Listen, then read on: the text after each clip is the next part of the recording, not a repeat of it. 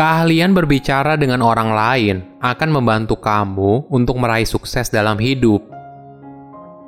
Halo semuanya, nama saya Michael. Selamat datang di channel saya, Sikutu Buku. Kali ini saya akan bahas buku How to Talk to Anyone karya Leigh Londes. Sebelum kita mulai, buat kalian yang mau support channel ini agar terus berkarya, caranya gampang banget. Kalian cukup klik subscribe dan nyalakan loncengnya Dukungan kalian membantu banget supaya kita bisa rutin posting dan bersama-sama belajar di channel ini. Buku ini membahas soal kumpulan tips agar kita bisa lancar berbicara dengan orang lain. Dalam percakapan, kita bukan hanya berinteraksi dengan kata, tapi orang lain juga menilai kita dengan atribut yang lain seperti bahasa tubuh, gaya pakaian, pembawaan, raut muka, dan komponen lain yang akhirnya membentuk impresi kita di mata orang lain. Ada informasi yang cukup unik.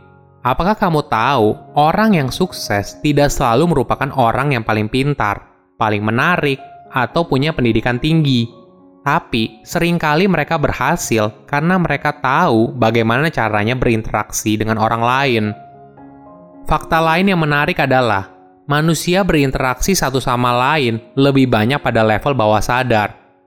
Penelitian membuktikan kalau ada sekitar 10.000 unit informasi per detik yang bergerak dari satu orang ke orang lainnya saat mereka berinteraksi. Oleh karena itu, penting bagi kita untuk memberikan kesan pertama yang menarik, agar interaksi kamu dan mereka jadi lebih baik di kemudian hari. Saya merangkumnya menjadi tiga hal penting dari buku ini. Pertama, impresi pertama sangat penting. Pembicara yang terkenal, aktor, politisi, dan salesman tidak terlahir dengan kemampuan yang pandai berbicara, tapi mereka bekerja keras agar bisa berbicara dengan efektif, menjadi menarik, dan melakukan persuasif kepada orang lain. Semua ini ada ilmunya dan bisa dipelajari. Kamu pun bisa menjadi mereka apabila kamu mau belajar. Poin awal yang paling penting adalah soal impresi pertama. Penampilan dan pembawaan kita mampu memberikan 80% informasi kepada orang lain sebelum kita berbicara satu patah kata pun. Ada beberapa tips yang bisa kamu lakukan untuk memberikan impresi pertama yang menarik. Pertama, senyum secara perlahan. Ketika kamu bertemu orang baru, jangan langsung tersenyum Orang lain akan berasumsi kalau kamu melakukan hal ini kepada semua orang. Ada cara yang lebih baik. Ketika kamu bertemu orang baru, tatap mata lawan bicara kamu, tunggu 1 hingga 2 detik, kemudian kamu baru tersenyum. Jeda singkat ini akan memberikan makna kalau kamu tidak tersenyum karena formalitas, tapi karena kamu bertemu lawan bicara inilah, makanya kamu tersenyum. Secara alam bawah sadar, kamu membuat mereka merasa lebih spesial. Kedua, jaga kontak mata. Ini adalah hal yang umum, tapi kadang tidak dilakukan. Tanpa sadar, kontak mata kita tidak fokus ketika pembicaraan membosankan atau lawan bicara kita kurang menarik. Apabila kita melakukan hal ini, lawan bicara kita akan merasa tersinggung karena seakan-akan mereka tidak dihargai. Apa pun yang terjadi, kamu harus tatap mata lawan bicara kamu, baik ketika kamu berbicara ataupun ketika kamu mendengarkan. Artinya, kamu memberikan tanda kalau mereka adalah orang yang penting buat kamu, dan mereka memiliki perhatian kamu seutuhnya pada saat itu. Ketiga, the big baby pivot. Maksudnya adalah ketika kamu bertemu orang baru, arahkan tubuh kamu menghadap langsung ke arah mereka dan berikan 100% perhatian. Coba bayangkan ketika kamu bertemu anak bayi yang lucu. Nah, lakukan hal yang sama ketika kamu bertemu dengan orang lain yang baru dikenal. Kedua, seni small talk. Mungkin kamu merasa kalau small talk itu nggak berguna, tapi hal itu nggak benar. Dalam hubungan bisnis atau pertemanan, small talk itu punya peran penting dalam buat hubungan jadi lebih cair. Ketika kita bertemu orang baru, kita terbiasa mengajukan beberapa pertanyaan kecil, seperti misalnya, "Kamu asalnya dari mana? Kerja apa? Biasanya, ketika diberikan pertanyaan seperti ini, secara alamiah orang akan menjawab secara singkat. Misalnya, asal Jakarta dan saya dokter. Nah, tugas kamu adalah harus bisa memberikan elaborasi. kamu harus bisa membuat percakapan yang awalnya small talk menjadi cair, dan mereka bisa melihat kamu bukan sebagai orang asing, tapi seperti teman lama. Sebaliknya, kalau ada orang yang tanya kamu asalnya dari mana dan kerjanya apa, tambahkan beberapa fakta menarik agar percakapan bisa terus berjalan. Kenapa? Karena kalau orang itu tidak punya informasi soal asal daerah kamu dan pekerjaan kamu, maka pasti percakapan itu akan berhenti sampai di situ saja. Tips lain yaitu, jadilah pendengar yang baik. Ketika kamu berbicara, maka perhatiannya ada di kamu. Tapi ketika orang lain bicara, artinya perhatiannya berpindah ke dia. Semakin sering orang itu bicara dan kamu mendengarkan dengan baik, maka dia akan merasa diperhatikan.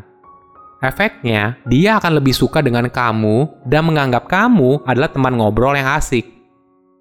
Selain jadi pendengar yang baik, ada cara lain yang disebut sebagai parroting. Cara ini yaitu dengan mengulang kembali beberapa kata terakhir dari kalimat lawan bicara kamu. Kamu bisa mempraktekkan cara ini untuk memaksa, dalam tanda kutip, lawan bicara kamu untuk terus berbicara.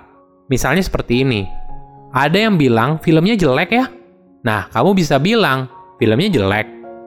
Dengan begitu, lawan bicara kamu pasti terdorong untuk memberikan informasi tambahan atas kalimat yang sebelumnya sudah dia sampaikan. Ketiga, meniru bahasa tubuh orang lain.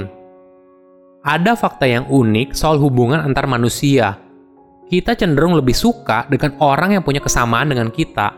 Nah, kita bisa menggunakan fakta ini untuk menekankan kesamaan yang kita punya dengan lawan bicara kita, sehingga membuat mereka merasa lebih nyaman.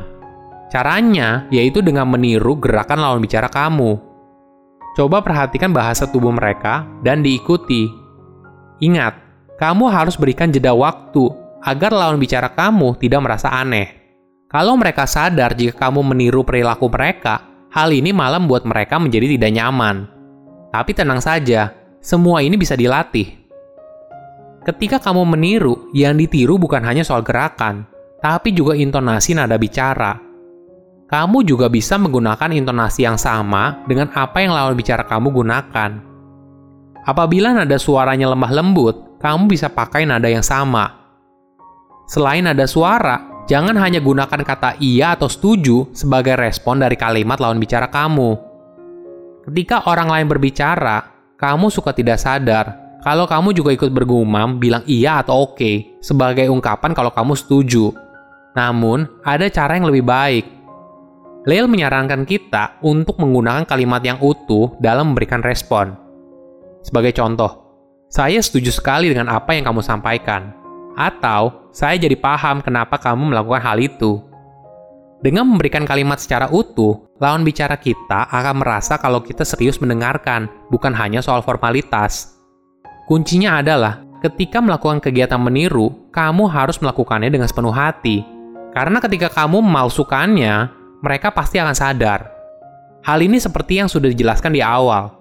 80% pembicaraan kebanyakan berasal dari komunikasi nonverbal. Kemampuan komunikasi yang baik bisa dipelajari dan butuh latihan untuk menguasainya. Pada akhirnya, apabila kita ingin dimengerti oleh orang lain, kita harus mulai dengan mengerti mereka dulu.